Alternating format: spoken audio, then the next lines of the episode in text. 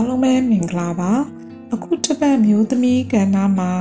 ကုလသမဂ္ဂအထွေထွေညီလာခံအလို့သဘောဆွေးနွေးပွဲမှာမြန်မာတန်မှန်ကြီးရဲ့အလို့သဘောဆွေးနွေးပွဲမှာမြန်မာနိုင်ငံရဲ့အနာဂတ်လူငယ်မျိုးဆက်သစ်များရဲ့လူခွင့်ရေးတရားဥပဒေစိုးမိုးရေးဆိုင်ရာ လူနေမှုဘဝအခြေခံချက်များကိုယခုလ17ရက်နေ့မှာတင်ပြခဲ့တာတွေကိုဖတ်ရှုခဲ့ရပါတယ်။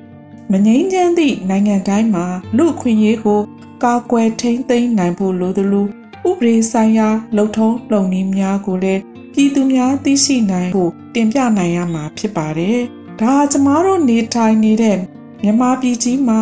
အဆုံးရှုံးဆုံးနစ်နာဆုံးပြည်သူများရဲ့ဘဝတွေပါ။လက်တွေ့မှာတော့ခေတ်ဆက်ဆက်ပြုပြင်ပြောင်းလဲရေးမှာလူခွင့်ရေးဆိုတာကလည်းပြည်သူကနားလည်သိရှိနိုင်သူနှဲပါခဲ့တယ်လို့ဥပဒေစိုးမိုးရေးမှာလည်း ငွေများတရားနိုင်ဆိုသလိုမြမပြည်ရဲ့ဥပဒေကစိတ်သုံးနေခဲ့တာကြားခဲ့ပါပြီ။ကျမကိုယ်တိုင်မိဘအမွေကိုစပ်ခံပိုင်ခွင့်ရှိပါလျက်ကိုဗစ်ကာလခရီးသွားမှုပိတ်ပင်ထားသည်ကိုခွင့်ကောင်းယူပြီးမိဘပိုင်စာရွက်စာတမ်းများကစလို့အိုးအိမ်ပစ္စည်းများပါမကြမ်းဖျောက်ဖျက်ပြီးမိတရားသောနီလန်းဖြင့်ရယူခံထားသူတယောက်ပါ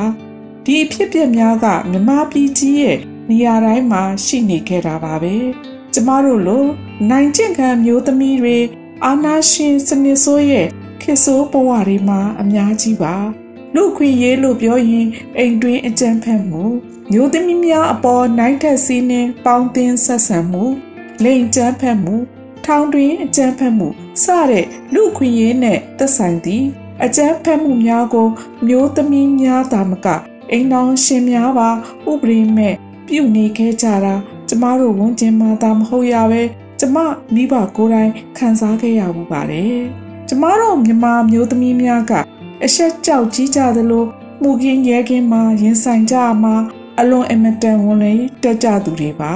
ဒီအတွက်ချွဲသောမျိုးသမီးများမှာအသက်သေဆုံးရသည့်အထိအနှိမ့်ဆက်ခံဘဝများနဲ့သေဆုံးခဲ့ရတာတွေလည်းအများကြီးရှိခဲ့ပါတယ်။ ကျမတို့ဝန်ထမ်းဘဝမှာလည်းဝန်ထမ်းချင်းချင်းအုပ်စုဖွဲ့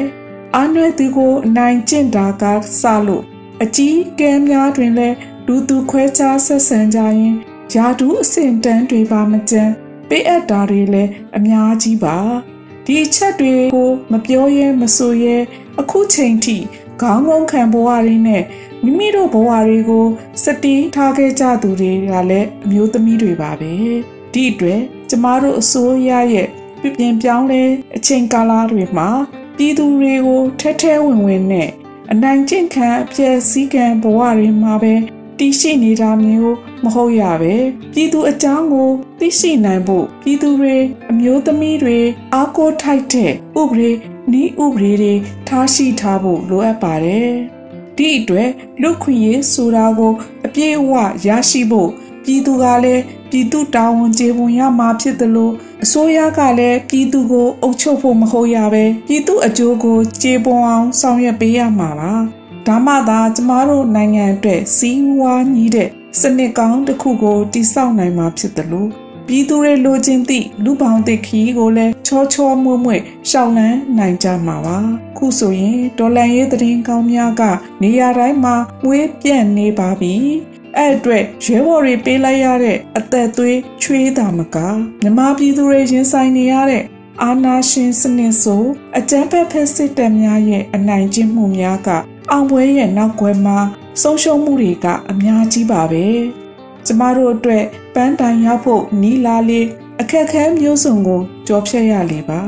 ပြည်သူများဘက်မှလည်းအခုလိုခက်ခဲပေါင်းစုံကိုခရီးအစမှရင်ဆိုင်ကြော်ဖြတ်ခဲ့ကြရတယ်လို့ယနေ့အချိန်လက်ကျန်ခရီးဆုံးမှလည်းပြည်သူရဲ့အားကိုအကုန်ယုံလို့အရင်အချိန်များထက်ပုံမစည်းလုံးပေးဖို့လိုအပ်ပါတယ်